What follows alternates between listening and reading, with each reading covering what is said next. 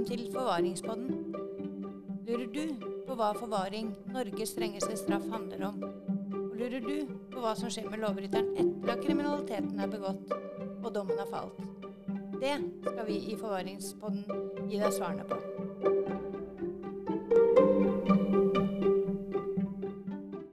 Hei, og velkommen til Forvaringspodden.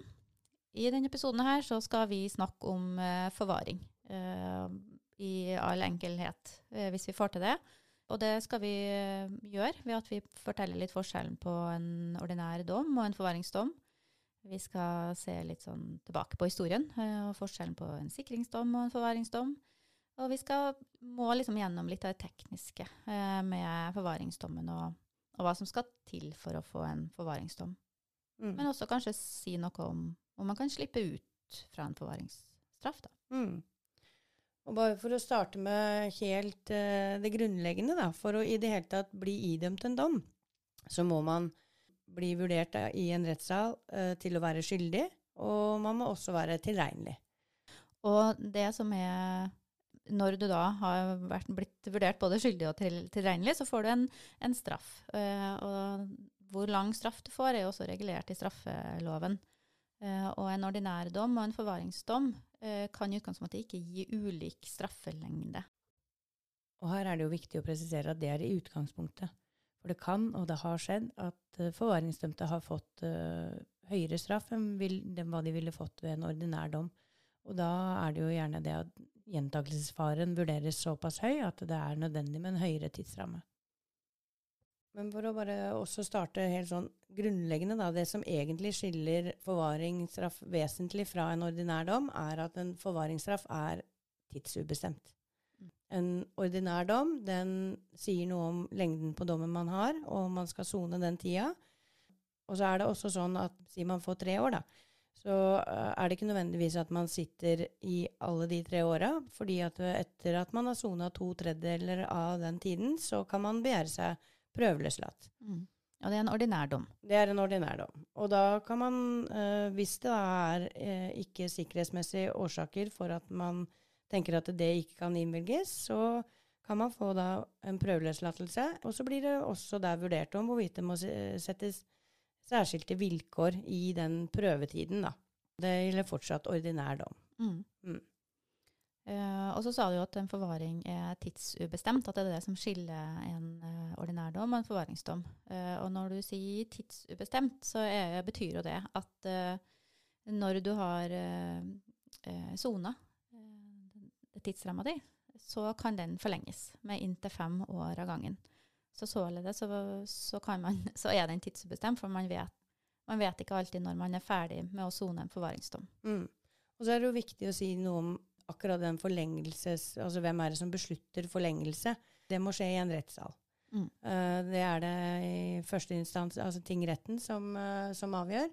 Derimot, hvis påtalemyndighetene innstiller på at uh, man kan uh, løslates, f.eks. når en forvaringsinnsatt søker seg løslatt, eller at påtalemyndighetene også fremmer det, så kan eh, regionalt nivå avgjøre det. Men i all hovedsak så er det alle sånne typer spørsmål foregår som oftest i en rettssal. Det gjør det. Og så må det jo også sies, eh, for vi sa jo at det var en tidsramme eh, i forvaringsstraffen. Altså det ofte settes det en minstetid også, som sier noe om når man tidligst kan begjære seg prøveløslatt. Og i de tilfellene det ikke blir satt eh, minstetid, hvis det er en kort forvaringsdom, så, så kan eh, domfelte da ikke begjære seg prøveløslatt før etter at eh, dommen har vært rettskraftig i ett år.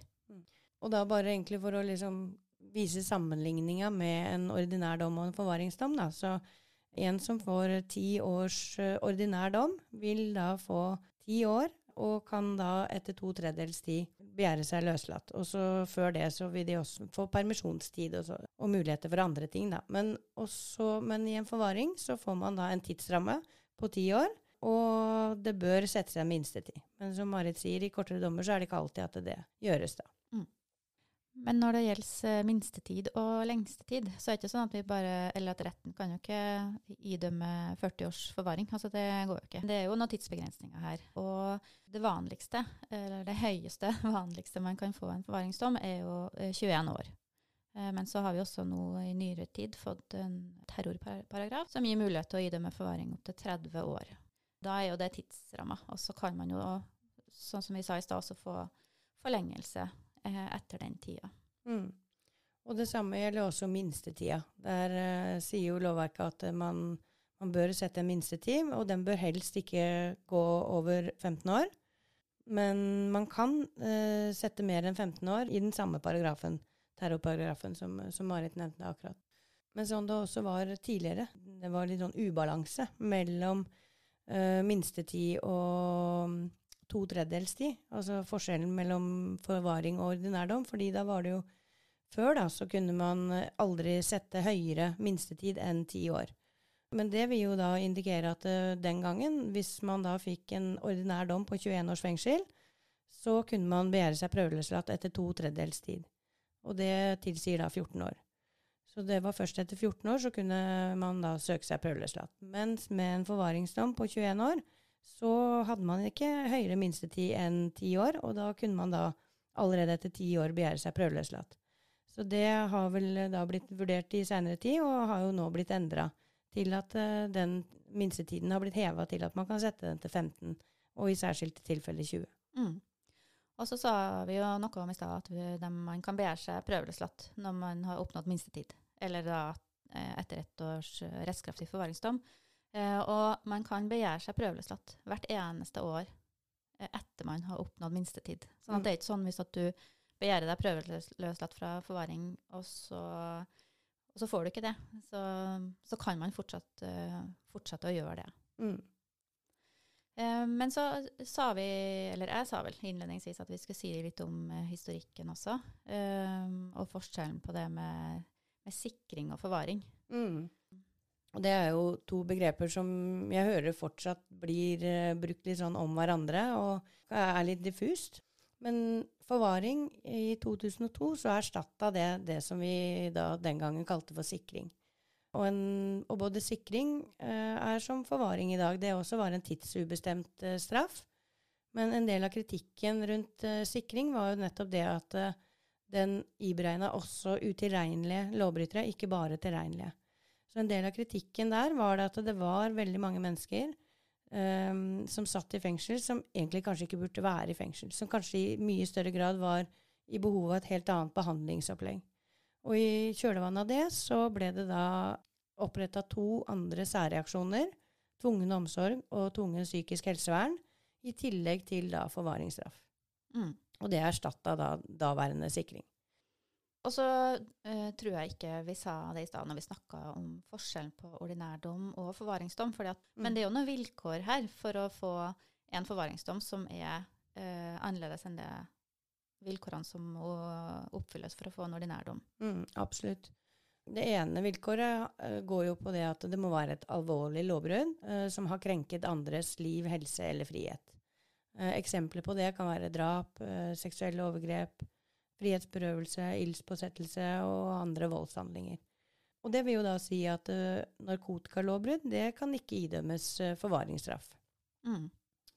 Og i tillegg så er det, er det også sånn at uh, for å få en forvaringsdom, så anser man en ordinær straff ikke tilstrekkelig for å ivareta samfunnet, eller for å verne samfunnet. Mm. Og det går jo på selvfølgelig alvorlighetsgraden i, i, lovbruddet, men også om man har gjort tilsvarende lovbrudd tidligere. Eller om man vurderer da gjentakelsesfaren som så nærliggende og, og reell at man idømmer en forvaring. Mm. Men i og med at forvaring er en tidsubestemt straff, da, og det også, eller bare det å få en straff i Norge er jo en belastning. Um, og når den da i tillegg er tidsubestemt, så, så det, ligger det noen kompenserende tiltak der. Og det er jo, eller et av de største eller viktigste tiltakene er jo at det skal være individuelt tilrettelagt, eh, en individuelt tilrettelagt soning. I tillegg til at man ikke skal eh, sone en forvaringsdom sammen med, med, innsatte som har en ordinær straff. Ja, og det er jo Nettopp fordi at det er så inngripende, dette med tidsubestemtheten. Og det, altså, det kan, jeg tror jeg enhver av oss egentlig kan ta inn over seg sjøl og kjenne på. Bare den følelsen å, å, sitte egentlig og vite det at i teorien så kan man faktisk bli sittende resten av livet i fengsel. Mm. Det er ekstremt belastende, og det er jo nettopp derfor at det også er stilt noen strengere krav til nettopp hvordan denne straffegjennomføringa skal, skal, pågå. Mm. Og det er vel også derfor vi har eh, forvaringsanstalter eh, rundt i Norge. Det er jo fordi at vi det kreves en annen type kompetanse for å da ivareta eh, samfunnsoppdraget. Da. Mm. Og vi har jo, eller vi på Ila har jo um, mange forvaringsinnsatte. Og så har de også i Trondheim har de forvaringsinnsatte, og på Bredtvet har de for kvinner. Mm. Mm. Og så kan de jo også etter hvert under soningen, etter hvert som det har øh, gått sin tid, og i øh, kraft av at vi ønsker en gradvis overgang til, fra høy sikkerhet til frihet, så kan man jo også søke seg fengsler med lav sikkerhet.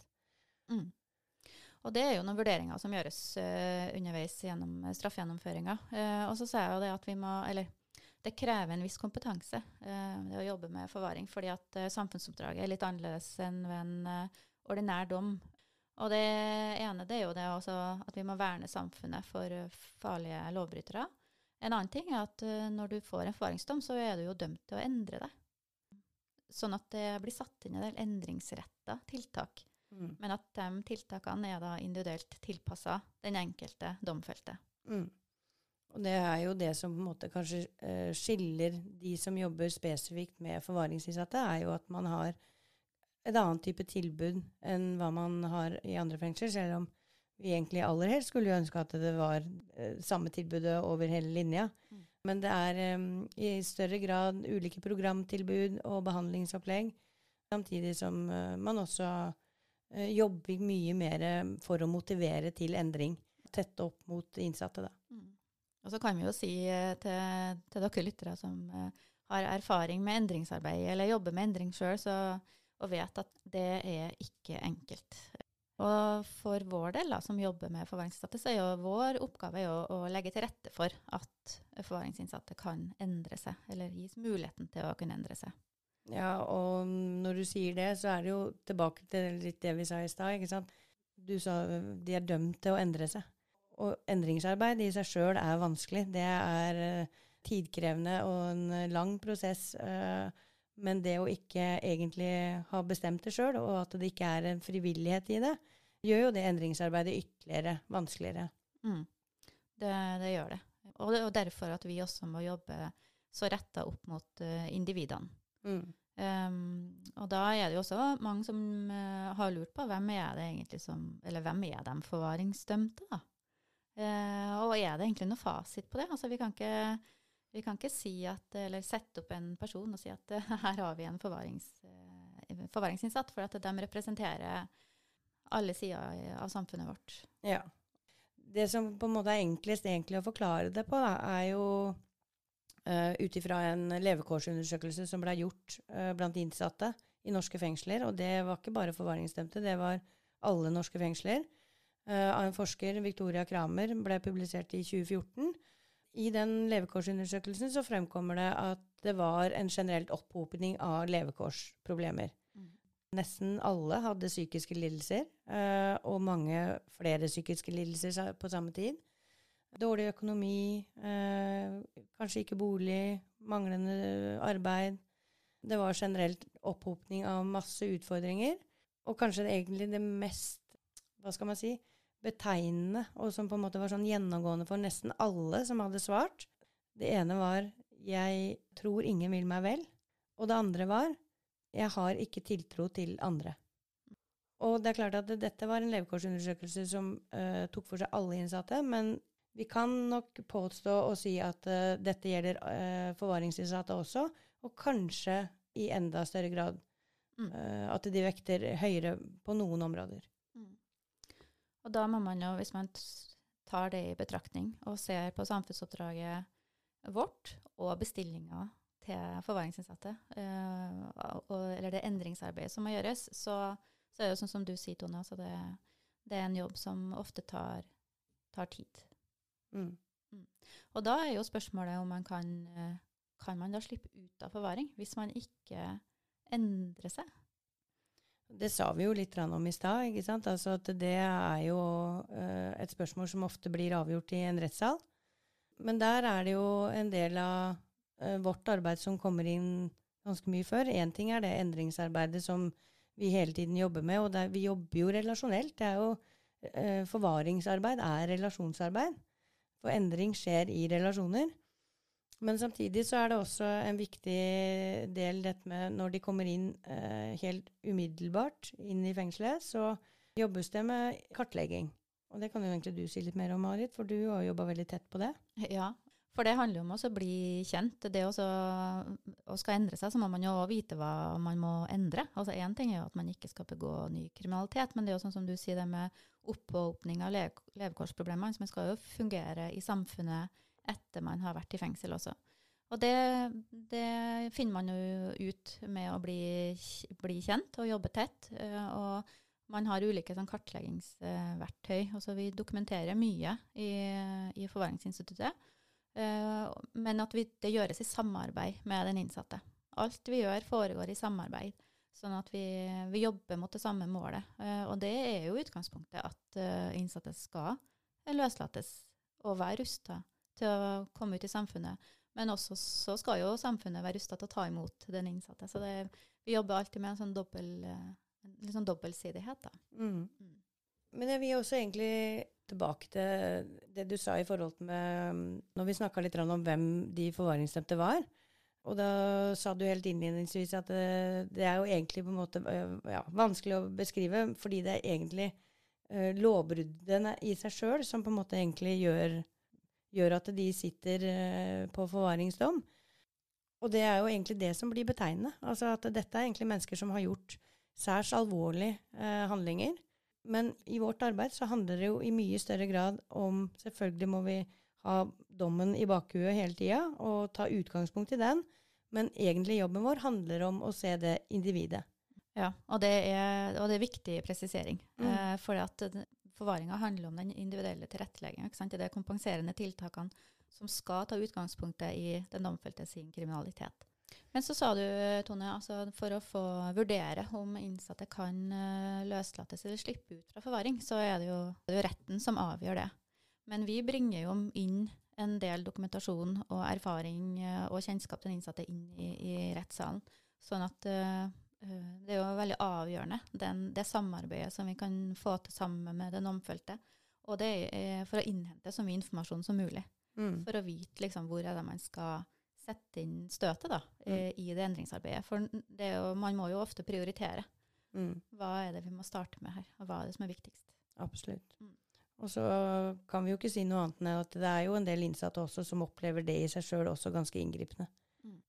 Og det er forståelig. Ja, det er fullt forståelig. Ja, det, det er det. Og det må vi ha respekt for. Mm. Eh, fordi, sånn som du sier, vi jobber med, med mennesker. Mm. Mm. Jeg føler egentlig at vi har vært innom det helt mest elementære nå. Det her er jo egentlig bare en sånn intro til hva er forvaring. Og så vi Alle episoder eh, som kommer, de vil sammenfatte kompleksiteten i forvaringsarbeidet, egentlig. Mm.